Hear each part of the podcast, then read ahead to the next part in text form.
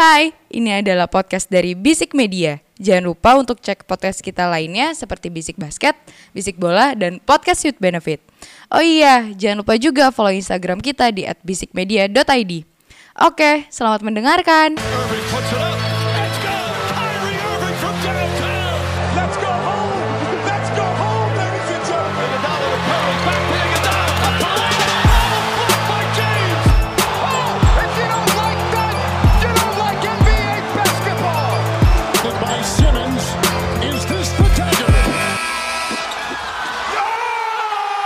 Podcast mingguan Bisik Basket Podcast putar basket NBA dan juga dalam negeri yang dibahas secara santai Sebagai pecandu basket Candu, candu, candu.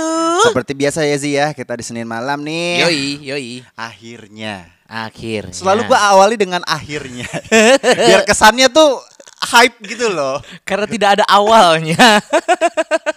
Seperti biasa ditemani oleh gua di Eke Dimsu Dan tadi udah ada Ramzi Alam Eke Duzi Pike Komeng Eke Remji Eke Jontor Jeger Jeger Jeger boom, boom, boom. Wah, kok- eh bentar, bentar, bentar, bentar, Apa? bentar, bentar, Oh. bentar, bentar. Oh. Udah semangat nih, udah semangat, udah semangat nih. Nyadar Soalnya lagi. pekan kemarin di roasting sama gue sama Didi, ya kan? Didinya gak ada. Didinya nggak ada. Kalau gue kan ngikut orangnya ya kan.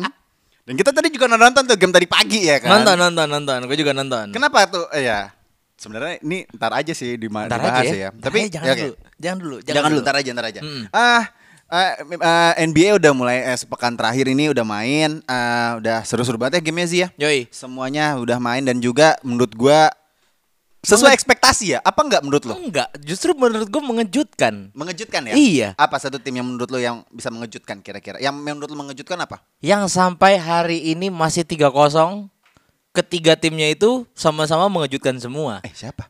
Chicago Bulls. Oh masih tiga kosongnya menang nih maksudnya? Iya, iya, oke, masih oke, tiga kosong gitu loh. Belum belum pernah kalah sama sekali. Chicago Bulls, Hmm.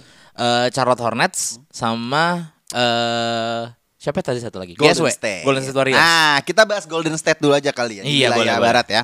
Ah, mengejutkan banget Golden State 3-0. Da, Hmm. pertama melawan Lakers, kemudian dua-duanya di game pertama mereka ngelawatin tim LA ya. Yoi. Kemudian habis itu tadi pagi menghadapi Sacramento Kings Hmm. dan mereka sapu bersih gitu loh. Mm, betul. Terlepas uh, ya ya Steph being Steph ya Hmm. amazing lah menurut gua.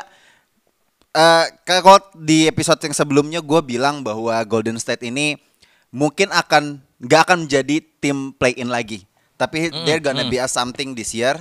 Yes. Tapi kita juga, eh, tapi buat gue sendiri gue nggak akan melihat mereka bakal menjadi contending. Tapi kayaknya anggapan gue menjadi salah gitu loh. Iya, Menurut lo gimana sih? Nah, kalau buat gua gimana ya? Eh emang bener-bener secara roster gue melihatnya lebih kompetitif daripada tahun kemarin. Ya. Jauh banget dan juga gue melihatnya Steph Curry juga udah memberikan kepercayaan kepada Jordan Poole, David apa bukan David Lee kok David Lee sih? Siapa? Damian Lee. Damian Lee, terus juga apa ada Kevin Looney juga, Yep. ada Toscano, ada Bielitsa dan menurut gua mereka dapat porsinya masing-masing gitu loh. Ini benar-benar jelas banget kelihatan di pas lawan Sacramento Kings Iya, ini. iya. Gua akuin ada enam pemain dengan double digits eh, dan juga Draymond Green juga salah satunya di situ dan Draymond Green ya. Yo, Ya, Draymond Green 14 poin loh. 14 poin ya. ya di porsinya dia cukup lah. Cukup Gue nggak lah. bilang wah tapi cukup aja. iya cukup. aja dan juga semua yang main itu dapat poin semua gokil banget dan Hmm. Berarti itu rotasinya dari Steve Kerr Tokjar lah ya. yes dan itu yang ngebuat gue kenapa gue bilang eh, rosternya tahun ini tuh jauh lebih kompetitif daripada tahun kemarin ya kita kalau tahun kemarin lihat pasti cuman Kuri 40 poin Ya. Kuri 50 poin Ya. 60 poin ya kan cuman Kuri aja gitu loh kita nggak melihat ada Jordan Poole atau Toscano even nggak nggak kelihatan gitu loh dan juga gue ngelihatnya Golden State Warriors ini sekarang adalah eh, offensive team yang baik Oke. dan nggak cuman eh, lu intinya buat teman-teman semua forget that Golden State Warriors is a three point only team. Hmm, Karena apa? Lu harus tahu. Ini statistiknya gue baru lihat ya. Wah, Ya. kita sampel saya emang baru tiga game, tapi Baru menurut gue ini ini cukup cukup oke lah. Field- free throw mate sama free throw attemptnya itu nomor satu di liga. Nah. Which is mereka banyak banget ngedrive dan mereka ada banyak dapat foul di bawah gitu loh. Itu menurut gua eh, mereka udah nggak cuman main di eh, three point area doang, tapi dalamnya juga ikut main gitu loh. Ya. Dan imagine udah ada Kuminga, ada James Wiseman, ini mau gimana? Ini menurut gue bahaya banget, bahaya banget Ya. sih. Jadi eh ya dan again buat gua Golden State ya merusak ekspektasi gue yang di mana Hmm. mereka paling ya cuma hanya di peringkat 4 tapi mereka bisa akan kembali menjadi tim yang juara lagi gitu loh Hmm. bisa aja gitu loh dengan komposisi dan gaya bermainnya mereka yang menurut gua lebih menarik yang tadi juga lu Ya. singgung kalau musim kemarin kita hanya ngeliatnya kuri-kuri aja yang nge-carry timnya sampai ya ya capek banget lah nih. Iya. berat banget nih pundaknya dia ya kan sampai di play in kemarin ya kan Punggungnya koyok semua. udah main di play in dua kali nggak masuk lagi ya kan Iya. makanya dengan berubahnya skema yang diterapkan oleh Steve Kerr dan kita melihat Golden State yang semenarik ini menurut gua lu akan bisa menaruh lagi lah ibaratnya Golden State bisa menjadi tim yang juara lagi kalau menurut gua itu sih Yoi. makanya nah eh, beralih ke ini yang membuat Ramzi senang nih ya kawan-kawan ya ini yang membuat Ramzi senang nih ya kan Sebelum sebelum senang, sebelum gua agak-agak sedikit sedih dulu. sedih ya Iya. hampir kalah soalnya. Hampir kalah. oh enggak, enggak, enggak, hampir kalah, hampir overtime dulu. Jadi tadi pagi ya, ya mungkin kalian juga udah no- nonton ya beberapa eh, dari kalian nonton Los Angeles Lakers against Memphis yang di mana eh kalau dari gue pribadi sih Zia, gue nggak nggak expect seharusnya di awal musim si Lakers akan seperti ini gitu loh. Akan se- seterjal inilah jalannya. seterjal ini akan separah ini Hmm. akan se worst ini gue bilang Hmm. tapi dengan gue melihatnya di Mem yang yang tadi pagi lah Memphis adalah gue melihat ada gue nggak bisa bilang angin segar tapi gue melihat Westbrook sendiri se- masih seperti itu dan para para rosternya masih angin-anginan ya ketolong aja karena ada Carmelo Anthony 26 poin gitu loh yes. gue nggak melihat ini harus diperbaiki secepatnya kalau nggak lu akan bapuk sepanjang musim. Ya mau gimana lagi Ya, ya? ya, ya. Masalahnya gue kalau gini, gue melihatnya eh Melo nih ada semangat tersendiri Ya. karena akhirnya dia menjadi ninth all time. ninth all time eh, scoring leader ya. Eh Ngebalap Moses Melon ya. Yoi. Dan juga eh, kalau gue ngeliat dari segi skema permainannya emang bener-bener gue akuin satu individualis banget dan gak ada pola yang wah gitu loh ibaratnya terus juga ya ya mau gimana lagi gitu loh gue melihat juga Westbrook juga ya masih gitu-gitu aja dan juga apa ya ini gue sempet kesel banget sih tadi sebelum apa namanya eh pas pagi ini di grup Basic Basket itu ada yang menanyakan. Gue lupa, ada oknum lah siapa itu gue lupa. Oknum lah ya. Ada Kalau misalnya perlakuan buruk pasti bilangnya oknum. Iya. oknum aja. ada oknum yang mengatakan Ada inisialnya nggak? ah, DS. DS ya. Eh, ini apa? Eh, eh, jangan DS deh, terlalu obvious. Ya, Dimsu. Nah, eh, dia sih bilang butuh beberapa keberuntungan lagi untuk Ya. menang lagi di Ya, ya, si ya. Lakers ini Nah, selama satu itu? musim ini. Dan oknum itu ya, aku lu jawab, nanggapi oknum itu gimana? aku tanggapi saja. Sudah tinggal 79 karena udah Banyak ya kebuntungannya banyak iya, banget ya. Satu udah kepake hari Iya, ini iya, kan, iya, iya, gitu. Dan juga apa ya? Gua akuin dari segi gue melihat dari si siapa? eh lawannya tadi Memphis. Memphis. Gue lihat dari Memphis ini agak-agak ngelihat kayak wajah lama jersey baru. ada Wajah Stephen lama, Adams, ya. ada Tristan Thompson, si kaget gua. Oh, ada di sini mereka Hmm. gitu kan. Dan gue melihatnya Jamoran bener-bener gila banget sih. Gua akuin 40 poin, 10 assist menurut gua dia bener-bener apa ya? Future star lah intinya. iya, iya, iya. Nah, kalau dari Lakers sendiri gue melihatnya ada Menghela napas panjang. tapi gue gua nggak tahu ya kalau misalnya Rondo main gue nggak tahu apakah Ya. akan lebih buruk atau akan lebih baik gitu loh Hmm. karena semenjak Rondo nggak main kayaknya dia jadi lebih baik gitu loh Lakers Siapa? Lakers. Lakers oke. dan juga ditambah chemistry yang dari game kedua tuh yang ada ada sedikit marah-marah sih Iya, kan Anthony agak-agak Davis selek sama dikit. Dwight Howard Iya, udah tua masih aja berantem. Iya makanya itu ya semoga cepat bisa diselesaikan dan intinya Frank Vogel butuh banyak PR nggak cuman chemistry doang tapi juga dari skema permainan juga apalagi Westbrook juga belum bisa triple double menurut gua Ya. kalau Westbrook belum bisa triple double tuh menurut gua belum dia belum Nah. meng apa ya mengoptimalkan Yep. apa yang dia punya gitu. Iya, iya. Nah, eh, ini menarik.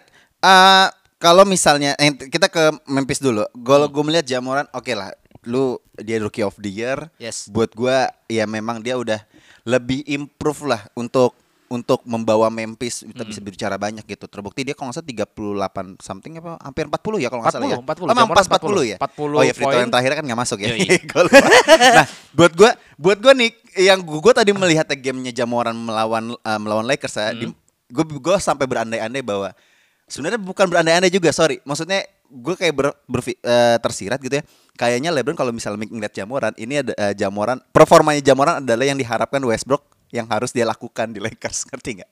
Jadi maksudnya mau di trade aja gitu? Bukan. Oh, bukan. Berharap jangan kayak Oh, gitu banget Ji iya, masalahnya. iya, iya, Maksud iya, gue iya. adalah kayaknya dengan performa di Jamoran itu eh dia berharap Westbrook itu performanya kayak Jamoran. Iya, kayak Maksudnya eksplosif itu gitu loh. Ibaratnya abis game LeBron langsung bilang, "Eh, no lihat no, Nah, nah, nah gitu." tuh, lihat tuh anak muda lu.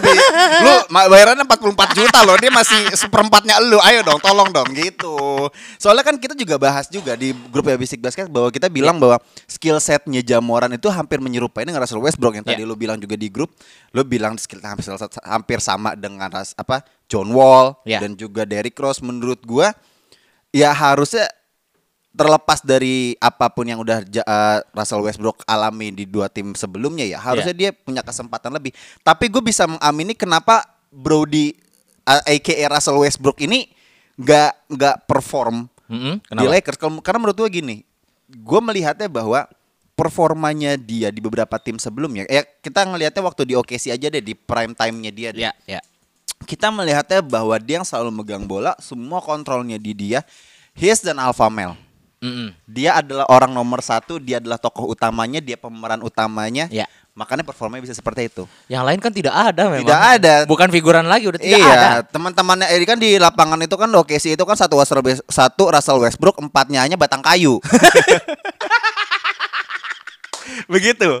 Iya, nah, iya, yang iya, gue iya. melihatnya seperti itu. Dia harus menjadi alpha male-nya, dia harus menjadi leadernya, dia harus menjadi pemimpinnya, dia yang megang bola. Tapi kenyataannya berbeda waktu dia di Lakers, walaupun juga waktu di di Wizard dan up di waktu dia di Houston, dia bukan yang Yes. utamanya. Yes. Jadi menurut gua kalau misalnya lu pengen mengembalikan performanya Brody yang seperti dulu, Hmm. lu harus selalu megang bola. Tapi kenyataannya waktu di yang di Lakers kemarin kita melihatnya apa? Kalau yang nggak megang Rondo ataupun Mas LeBron James. Nah, masalahnya sulit juga kalau LeBron gak megang bola. Exactly. Fisiknya itu tidak kuat menurut gua. Gua nggak ngelihat cuman karena eh, LeBron bisa nge- eh, set playnya juga, tapi karena fisiknya LeBron yang udah ya 19 years in the league Iya, gitu kan. iya, iya, setuju. Dan menurut gua ya kalau misalnya lu jadi point guard ibaratnya nih ya. Iya. Ya LeBron cuman main di tengah-tengah doang gitu loh, nggak nggak Ha- harusnya. Iya. Harusnya seperti itu karena Heeh. dengan yang dengan longevity-nya udah 19 tahun, kita ngelihat dia itu ya udah harusnya porsi lu tuh berkurang gitu. Iya, Tapi iya. kita melihatnya yang di yang game melawan Golden State dah, dia yang Hmm. selalu poin. Kita ngeliat ngarepin AD di dua game pertama dia nggak terlalu on fire gitu. Hmm. Ya 30 poin oke lah. Cuman kan kita melihatnya dia bahwa nggak terlalu ringkih lah. Iya, kita tak iya. kita lu sebagai fans Lakers pasti akan takut kalau dia bakal injury lagi. Kalau berarti kalau misalnya Iya. dia jatuh salah langkah aja kita udah deg-degan gitu loh. Jatuh di bawah Udah ngeringis. copot Aduh. jantung kita gitu loh. Aduh, pasti aduh, begitu aduh. kan. Nah, dengan gue lu pasti sama gue juga pasti setuju. Kita berharap bahwa Russell Westbrook ini menjadi ya udahlah lu yang ngelit, AD bakal menjadi second guy-nya, LeBron ya udah lu nggak bisa gua deh. Tapi Hmm. Iya. malah kenyataannya berbalik bahwa ya udah LeBron lagi, LeBron lagi. AD yang kedua, Russell Westbrook malah invis. Menurut gua itu. Ya mungkin satu lagi kali ya eh Gaya mainnya AD Ataupun center-center yang di ad- dimiliki sama Lakers Itu menurut gua nggak cocok sama eh, gaya mainnya Russell Westbrook Westbrook biasanya apa? Kan ngedrive-nya kencang banget dapat pick pick satu Kalau nggak dia langsung attacking the rim Ya. Atau nggak dia alley oop Nah, sekarang kenyataannya dia main di Lakers dia lebih main ke wing. Yes. Dia lebih main catch and shoot. Di kuarter keempat yang tadi melawan Memphis Grizzlies, dia mulai berani ngedrive akhirnya di medium yang di mana itu gaya bermainnya dia yang yang berubah walaupun nggak baik gitu loh. Mungkin dia kan dia- mainnya attacking the rim yang ngedrive ngedang gitu kan, tapi kita udah nggak melihat itu lagi. Udah mau bikin rumah susun dia Batu bata semua Batu bata semua Masih loh ya, masih loh ya. Iya Masih ada lanjut Kalau kalau kemarin kan rumah doang Sekarang Ya. rumahnya disusun sekarang bikin apartemen di LA. Nggak tapi maksud gue itu loh, maksudnya Iya. kita pasti merindukan banget Russell Westbrook Hmm. seperti performanya seperti dulu gitu loh. Cuman dengan menurut gue ini PR Vogel juga sih harus menempatkan Brody itu gayanya mainnya kayak gimana yang harus bisa diadjust sama LeBron dan juga AD. Tapi balik lagi yang tadi lo bilang kita ngelihatnya bahwa Lakers itu lu menurut lu Lakers juga in defensive way Hmm. terlalu mudah nggak sih untuk di ini? Iya. Lu melihatnya bener-bener. gimana? Harus ada adjustment apa dari? Kalau misalnya ngelihat, kalau misalnya kita selalu berdiskusinya bahwa harus ada center yang yang konservatif yang di mana Hmm. emang hanya rim protector aja gitu. Tapi kan kita udah punya DeAndre apa Lakers udah punya DeAndre Jordan dan juga Dwight Howard gitu. Yes, mereka punya eh, center konservatif. Tapi badan mereka pun juga mageran. Sumpah. Kalau ya sekarang gini, kalau mereka nggak mageran menurut gue mereka ma- gini, mereka tuh sudah melewati prime time-nya gitu loh. Jadi gue nggak melihat mereka cukup oke dalam in defensive way gitu loh. Oke di Andre Jordan kita kita tahu zaman dulu dia selalu dia salah satu tulang punggung di Lob City waktu Ya. di Clippers. Eh Dwight Howard juga kita tahu gimana eksplosifnya dia di Orlando. Di Orlando, apalagi dia nggak jadi dapat eh, ini pemain ke-75 kan? Iya kan? Marah. iya marah ngambek. Eh, dan menurut gua ya sangat disayangkan banget sih kalau misalnya mereka you need to, to be more hustle gitu intinya. Iya. Hasilnya harus dikuatin lagi dan juga gua nggak melihat ada pemain yang size-nya lebih gede dari mereka berdua atau enggak yang seenggaknya menyerupai lah. Empatnya mereka nggak punya menurut gua. Karena kalau kalau misalnya kita tempatkan AD di 4 kan masih AD, AD kan lebih lebih fluid ya eh, posisinya Ya. bisa di 4 bisa di 5. Tapi kalau misalnya dia bermain di 5, satu kasihan, dua potensinya nggak akan keluar. Iya, itu Kasihan dia. aja menurut gua Oh. gitu loh. Oh. Buat AD dan juga apa ya? Tapi terlep, tapi terlepas dari gaya defense-nya di pen area juga ya, Ji. Hmm. Gue melihatnya di gamenya Memphis ini emang terlihat banget bahwa emang skuad yang udah tua-tua Hmm. menghadapi yang muda itu sangat terlihat terbukti kalau nggak salah di beberapa turnovernya itu udah nggak bisa ngikutin lagi pace-nya Memphis yang sangat cepat sekali. Kayak udah pasti dilepas gitu, udah Iya, pasti udah- tiga lawan satu, tiga udah lawan pasti satu. kelewat, udah pasti Mm-mm. berapa kali jamoran dengan fast breaknya. Ya udah, LeBron udah di belakangnya aja. Dan menurut gue sih sebenarnya beruntungnya Lakers itu karena turnovernya juga sama-sama 17 sih. Seandainya Lakers lebih hancur turnovernya dan Ya. menurut gua sangat ada chance untuk ke arah sana. Itu udah abis ini. So oke, kalau Game. misalnya ngobrol eh, bicara dengan eh, turnovernya sama nih, Hmm. sama-sama 17. Kita tahu Memphis ya tim yang nggak bagus-bagus amat. Kalau misal menghadapi dengan tim yang sempurna seperti Utah Jazz atau Phoenix Suns yang kemarin udah telak banget. Hmm. Hmm. Kemudian ketemu Bucks yang bermainnya rapih dan ada mungkin kita nggak bisa tahu gimana ntar ngehandle Yanis Hmm, hmm. akan lebih habis-habisan. Ya 40 poin lah Siapa? difference-nya. Aduh, coba. 126, 87 gitu. Gitu. gua gua tuh biasa gue bener-beneran kaget 40 poin gak sekalian aja 5 50 gitu. Jadi 130 70. Itu 60 malah ya. 60, 60 dong. Jauh banget. Ya Jangan, jangan, ya Kasihan, kasihan. Ya ya buat gua Vogel banyak PR besar di Ya. mana chemistry. Kalau buat gua chemistry nggak masalah, tapi Hmm. ya gaya bermainnya Lakers harus identity-nya tuh harus cepat Yes, ditemukan. yes, yes, Mumpung yes. masih awal, Yes. masih jangan sampai ketemu 10 20 game berlarut-larut, Hmm. lu akan ya at least sebelum All Star harus cepat diselesaikan kalau misalnya emang pengen juara lagi. Iya, yang membuat keberuntungan juga sebenarnya field goalnya juga di atas 50%, Ya, three nah, pointnya field juga juga berjadi bermasalah. Iya. Gitu. Gimana? Ka- ya, kemarin-kemarin bermasalah, sekarang ini game Makin ini lagi masalah. lagi beruntung, Oh, lagi beruntung. Menurut lu Heeh. lagi beruntung ya? Karena field goal set di game ini 53,6% which is good. Very oh good ya gitu. di atas 50 ya boleh Dan tiga three pointersnya juga 53.3 Hmm. which is ya very very good gitu loh Iya. menurut gua ya karena Melo juga sih Hmm, pada akhirnya kan. Cuman ya intinya lu harus bisa kamu coba lihat lagi mana keranjangnya itu di mana gitu loh.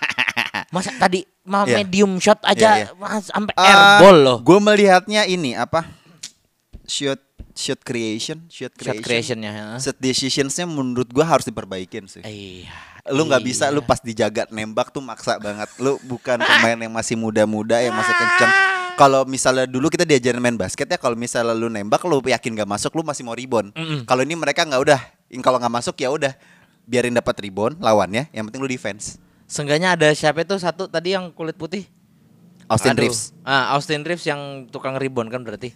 Ya kan kalau misalnya miss shot gitu kan ya biasanya ada- I, I will appreciate Malik Monk loh di sini. Iya iya Malik Gua, Monk juga gua bagus. masih mending maksud gua gua masih butuh kayak pemain yang gua melihatnya Malik Monk dan juga gua nggak tahu ntar Kendrick Nunn sama THT main Mm-mm. mungkin akan ada desire yang yang yang bisa membantu Lakers lebih up lagi dari sisi benchnya sih. Ya, ya. Dan betul. Avery Bradley mungkin tapi Avery Bradley Enggak, enggak, enggak, enggak ngaruh. Apalagi Arija. Alah. Itu cuma ngabisin duitnya Lakers doang. Iya, cuman biar sama Despite of aja. dia adalah yang pernah juara di Lakers ya, Hmm. cuman kayak ya nggak tahu lah. Apa waktumu sudah habis. sudah habis prok prok prok. Oke, eh, eh, sekian untuk reviewnya. Tapi Hmm. gua, eh, ada satu, gue juga berpikirnya tadi sebelum bikin materi ini, Hmm. gue sempat ini juga sih berpikir materi ini bahwa mungkin kalau kemarin Mas Didi selalu menyinggungnya bahwa ad, selalu West itu akan jadi lebih kompetitif. Wild, Wild, Wild West. Wild, Wild West Yes. akan selalu lebih menarik gitu. Hmm. Tapi gue malah menontonnya ya, untuk di tim-tim di wilayah timur Hmm. lebih gacor lagi gitu. Hmm. Lebih stack lagi Hmm. walaupun mungkin di papan atasnya sama papan bawahnya agak timpang, mungkin Hmm, seperti hmm, itu ya. hmm. Tapi kalau misal di wilayah barat mungkin sampai ya 1 sampai 10-nya masih agak agak-agak kompetitif gitu di Hmm. papan bawahnya.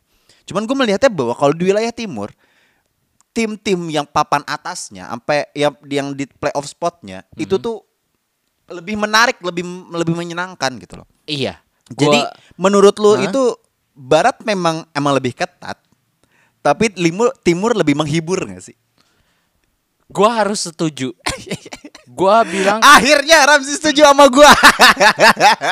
Gue bilang kenapa Timur lebih menghibur Ya. karena ada satu pemain yang belum vaksin. ah, Eh dua Jauh sorry banget. sama Siapa? Bradley Bill. emang berarti belum ya? Kayaknya setahu gue belum. Ah. Kemarin terakhir-terakhir Oh, dia tuh belum sama main ya? Kyrie sama Bradley Bill. ya. Pantesan Kuzma lebih nyaman, Hmm? nggak ada nggak ada abang-abangan. Yeah, Dua oke. kosong loh. Ya, jadi gimana? Jadi gimana? Jadi gimana? Menurut nah, lu? Kalau buat gue sih sebenarnya karena gini, eh, masing-masing dari franchise di timur itu punya nahkodanya masing-masing dan nahkodanya tuh cukup experience semua gitu loh. Udah udah ibaratnya emang bener-bener jago gitu loh. Kayak misalnya nih, kita urutin deh. Ya. Chicago udah ada ya kita tahu ada DeMar DeRozan, ada si sakit hati Ibaratnya Lonzo. spotlightnya uh, Bulls sekarang lagi gede-gedenya nih. Mm-mm. Terus juga Charlotte ada si Lamelo, ada Miles Bridges juga. Terus juga Washington Wizards ada Kyle Kuzma ya masih Kenapa? Kenapa? Kenapa top of mind-nya Washington Wizards tuh kayak Kuzma Ya, gitu? siapa lagi Ya, Hachimura oke, juga oke, nggak oke. nggak terlalu perform. Yang masuk highlight cuman Kyle Kuzma karena dulu sampah Dia dia. nggak kelihatan karena dia ASEAN kan?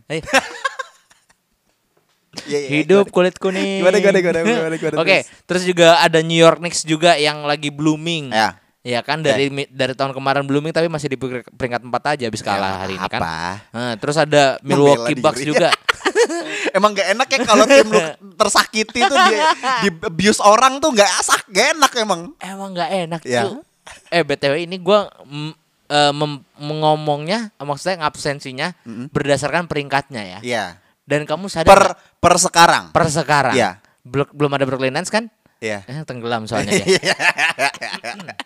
Philly, ada Philly, ada Joel Embiid, udah ada Tobias Harris, udah ada Jadi siapa kita lagi? kemarin nonton seru banget ya. seru banget, mainnya. seru banget. Ya walaupun gue melihatnya akhir-akhirnya Joel Embiid jadi point guard ya kan? Iya. Gak ada tuh, ada sebenarnya ada Danny Green juga yang bisa megang, ada Oh, iya. Tyrese Maxey, ada Oh, Danny harus ada Shaq Milton juga bisa. Dan negerinya lagi Ada set wangi malah, lagi. ada set yang iya, megang tetap Joel Embiid. tetap. Terus juga ada Miami Heat. Ya kita tahu trionya, Lauri, Jimbut, eh Bam dan juga Six Man of the Year menurut gua calon-calon Six. Man of the Year nih. Tyler Se- se- Hero. Seyakin itu ya dia bakal six man ya. Seyakin itu menurut gua Tyler Hero bahaya nih. Terus juga ada Atlanta Hawks Hmm. yang udah ber bergacor banget di musim kemarin pastinya masuk ke musim ini juga Pasti akan akan elevate their Iya, skill set. kalau nggak salah mereka menang di game pertama tuh lo lawannya agak susah. Oh, Mavericks. Mavericks. Lawan Mavericks. Terus juga ada to ya Toronto, ya Toronto. Ya. Toronto is being Toronto ya. Ya. Terus ada Scotty Boston. Barnes you should watch that. Watch iya, him. iya Scotty Barnes. Scotty Barnes. Terus ada Boston Celtics yang kita udah lihat si siapa? Jalen Jalen Brown, Brown. kemarin udah 40 poin sekian. Jason Tatum juga gue yakin masih akan ada saatnya lah. Tungguin aja. Cleveland Cavaliers yang menurut gue juga penuh dengan pemain muda, jiwa muda dan menurut gue ini Dan bener- kombinasi tua muda loh ada Rubio dan eh, ini juga yes, Caleb. yes, ada Kevin Love dan menurut gua ini juga menarik banget untuk dulu tonton. Orlando ya udah ketawa aja lu. Orlando, oke. Orlando oke. Oke. Indiana Pacers ya. Iya. Bapak siapa? Ya. Sabonis doang. Eh, Miles Turner. Oh, Miles Turner, iya. Malcolm Brogdon. Ya udah, ya makanya ya udah gitu doang. Brooklyn Nets. Ya. Ya. Oh, Brooklyn Nets ya. iya. Iya. Iya, oke. Iyalah. Oke sih, oke Ya, siap. cuman cuman dua orang Siap. doang sekarang kan belum jadi trio. Ya. Terus juga ada Detroit Pistons. Enggak. enggak. Detroit Pistons. Kalau ini bukan enggak. Enggak. Enggak, bukan ya, enggak. Enggak. Enggak. enggak. Eh, Detroit Pistons siapa? Jeremy? Grant. Rukinya, rukinya. Oh, Kate Cunningham. Ah, Kate Cunningham Gue belum lihat dia main ya. Kayak belum ya? Kalau nggak salah kita belum emang deh. enggak pernah menonton Detroit Pistons aja? 02 jadi nggak seru ya udah. Iya. Itu. Emang tim yang akan tanking lagi. Yes, dan menurut gua gini. Itu udah nge- ngebuktiin banget bahwa at least nggak nggak cuman 10 tim doang yang bisa bersaing untuk menuju ke Ya. playoff dan play in gitu loh. Yup. Gitu dan kalau menurut gua di sedangkan di barat, barat tuh kayak ya udah paling gitu-itu lagi, itu-itu lagi. Denver, Utah, terus Lakers, Clippers, Suns, udah. GSW. Gitu menurut gua karena apa ya? Bener-bener dan juga gua melihatnya mereka jauh lebih menghibur sih sekarang Ya. cara main mereka Bulls juga udah bener-bener sangat menghibur Charlotte Hornets dari tahun kemarin udah menghibur Ya. dan gua yakin sih kayaknya entahlah kayaknya kayak gue lebih pengen lihat di Eastern kayaknya lebih seru-seru lagi deh apalagi di playoff nanti sih Ya, ya. bakal seru banget Gue bisa mengamini bahwa kalau lu bilang menghibur memang sangat menghibur karena gayanya gaya bukan gaya sih maksudnya permainan dari tim-tim wilayah timur itu sangat entertaining banget gitu loh. Ya, Despite ya, ya. of uh, dengan ada Chicago Bulls terus abis itu Charlotte Hornets dan beberapa tim yang lebih bermain terbuka menurut gua tim lu lu sebut ya Knicks. Iya, Oke, ya. ah. Gue masih ya ntar dulu lah Knicks masih masih ntar dulu lah. Gue kalau misalnya cuma melihat Julius Randle dan teman-temannya masih belum bisa lah. Tapi buat gue adalah Timur memang menarik banget nih. Hmm. Kita kita melihatnya karena kita melihat gini, tiga pemain terbaik di NBA, ya Kevin Durant, LeBron James, dan juga Giannis Antetokounmpo. Hmm.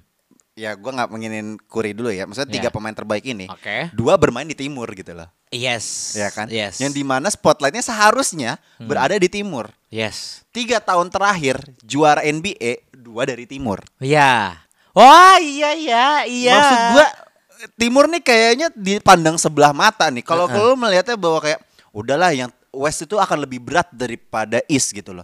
Tapi gua melihatnya enggak juga. Iya, Timur betul, akan betul. Setuju, Timur setuju. untuk Oh, saat iya, iya, ini, iya, iya. untuk saat ini Timur menjadi lebih lebih menarik untuk lu tonton. Iya, Kalau iya, misalnya iya. lebih lebih kompetitif, oke Barat menurut gua k- ya mereka kompetitif karena menurut gua semuanya hampir sama. yes Tapi yes. kalau di timur sekalinya lu ada tim menghadapi tim bagus, itu akan sangat menarik lu tonton. Iya, Kayak kemarin iya. kita Bucks kita sempat bahas juga kan Bucks sama Nets itu adalah final yang terlalu dini tapi ya terpaksa di semifinal saja. Mm, mm, mm, mm. Ya kan? Kalau misalnya bisa diubah seharusnya kalau misalnya bisa nih kan kita Iya. harus menghadapinya kan barat sama timur. Iya. Kalau misalnya kalau misalnya bisa, gue pengen NBA Finals tuh Bucks melawan Nets ya ya gitu loh. Makanya gue Oke, bilang oke. Makanya menurut gua Iya, timur iya, itu iya, sangat iya. seru banget seharusnya. dan Begitu. juga mungkin ada satu lagi ya Hmm. semua bisa ngelawan eh bukan bisa ngelawan bisa ngalahin siapa aja ya kebukti banget dari Atlanta Hawks yang tiba-tiba sampai final Iya. dan maksudnya sampai final final wilayah ya dan menurut gue itu dan tahun ini Ah. wah peluang untuk lu menuju ke conference final saja Iya. tuh menurut gue lebih lebih terbuka lebar untuk ke, se- ke Lebih di timur, tim. kan? Iya lebih ke Iya. timur ke timur wah gokil sih bener-bener wah iya bener Nah, bener makanya kalau misalnya di barat kita selalu expect-nya ya udah paling ntar ada uh, Denver akan ada Utah Jazz yang konsisten selalu Hmm. masuk playoff yang mungkin nggak bisa melangkah jauh sampai cuma semifinal doang. Terus mungkin ada like duo LA dan Ya. kemudian ntar bakal ada Golden State. Hanya Dan- itu, that's it. dan biasanya di terakhir ada Portland Nah, mungkin Portland. Oh. God, pokoknya udah udah udah mau udah mau udah mau udah mau keluar Pokoknya dikit. di titik nadir tuh Iya. ada tiba ada Portland aja. Portland. Ada Portland aja. Pokoknya ada gitu loh. Gak gak ya terakhir sampai 2000 ah, gue lupa 2019 kalau nggak salah ke Yes, Portland di yes. eh, di conference finals.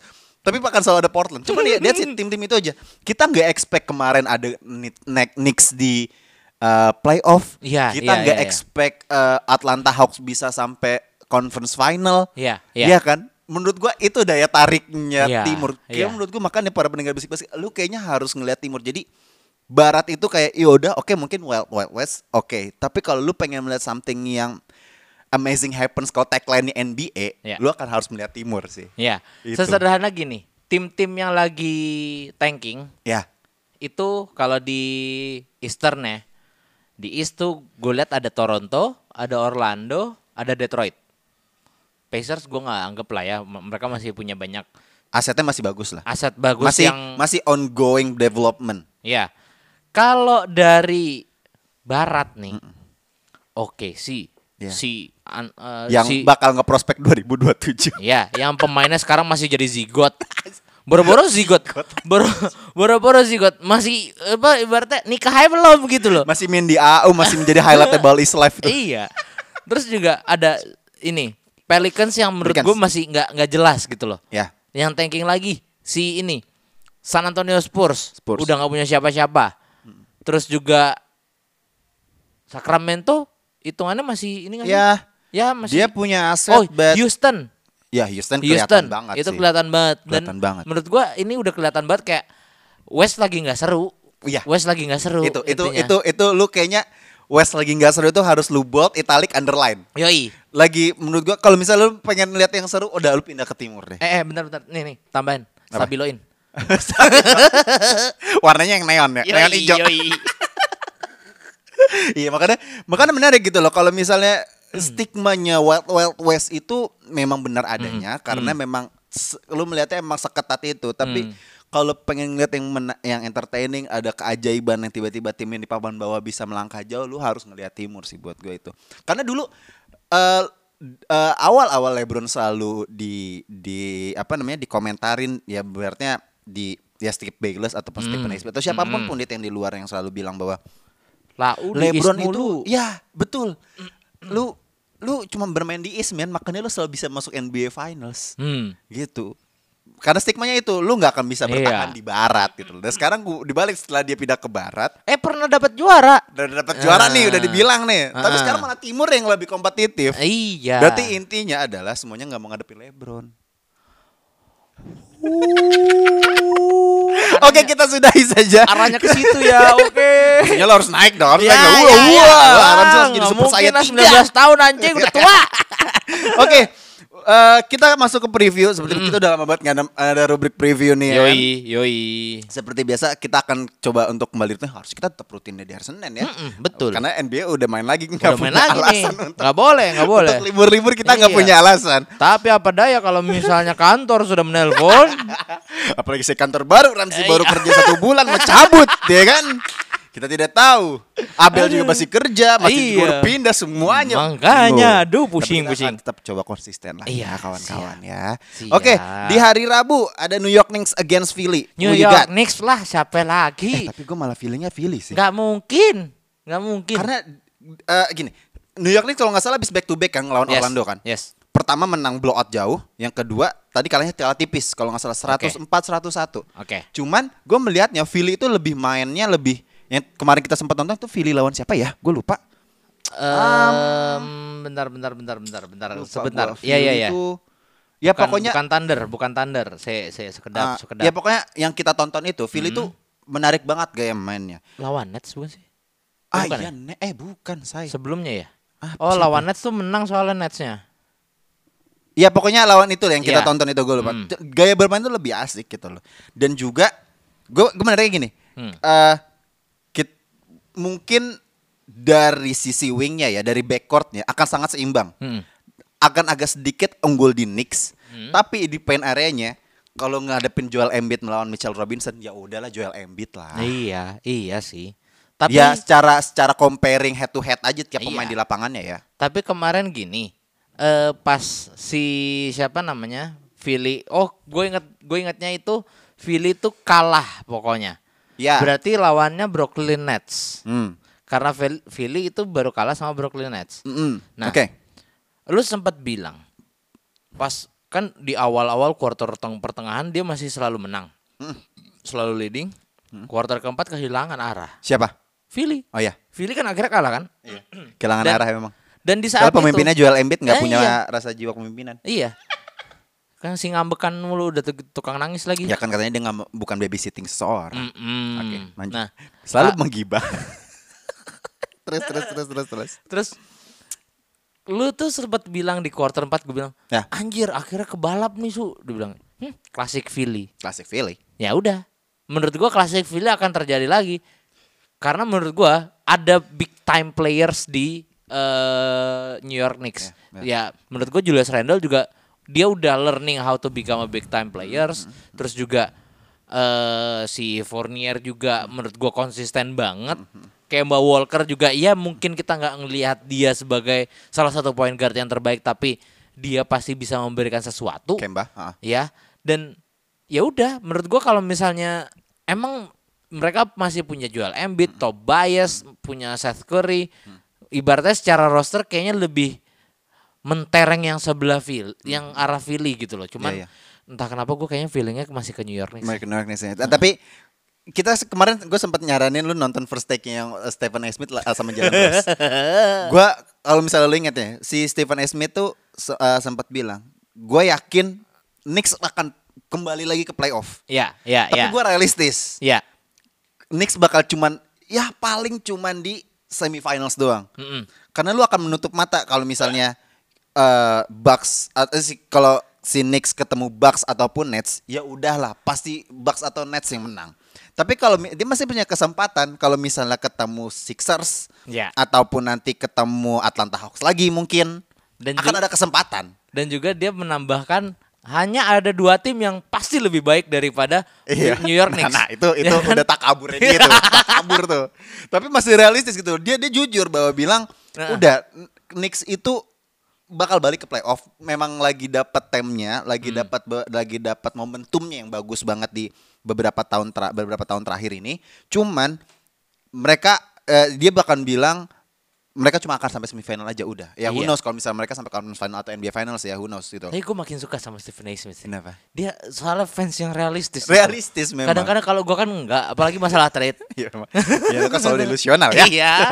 Oke di hari kalau misalnya gua pilih kalau lu masih tetap Knicks ya. Hmm. Knicks lah, Oke. tetap- tetap- Di tetap Knicks. hari Kamis ada Brooklyn Nets against Miami. Nah ini kalau ini agak tricky nih. Gue masih belum bisa memutuskan. Kalau menurut lu Miami. Miami ya. Karena Brooklyn Nets entah ya pincang banget gue ngeliatnya. Dan juga gue melihatnya ada satu fakta terbaru yang eh, James Harden eh, free throw percentage-nya jadi turun banget. Oh ya. Free throw, free throw attempts-nya jadi turun banget. Karena nggak dapat. Ah Ah ya. nggak iya. Oke. itu dia.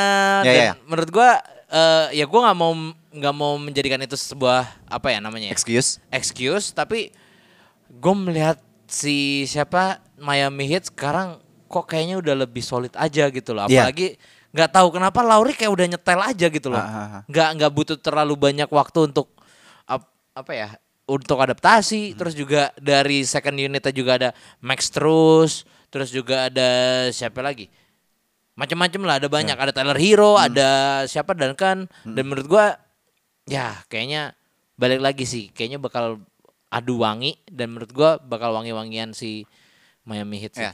Kalau misalnya emang Nets bisa ya oke lah kalau misalnya KD dan dan Hardennya bisa benar-benar di top performance-nya Hmm. kalau menurut gua akan is a slightly chance untuk Nets tapi kalau misalnya Miami-nya semuanya karena gue melihatnya comparing dari dari dari sisi uh, sta- uh, timnya sendiri ya gue gua akan milik Miami Heat karena lebih Hmm. Ya, lebih potensial untuk ya dari dari bench playernya tuh Yes, lebih yes. lebih sed- sedikit lebih baik daripada Nets tapi kalau dari starting five-nya ya gua akan memilih Nets cuman dan again buat gua Miami Heat tadi udah lebih sampaikan juga bahwa mereka lebih lebih kompak ya maksudnya lebih Hmm. lebih padu aja gitu jadi kayaknya akan ke Miami juga gua akan setuju juga sih ke Iya, Miami sih. karena menurut gua Steve Nash juga masih belum mendapatkan Iya. racikan yang Iya, aduh, iya, iya. menurut menurut menurut lu nih agak ngele, agak lebar dikit. Menurut lu Iya. apa apa yang masalah dari Brooklyn Nets sendiri?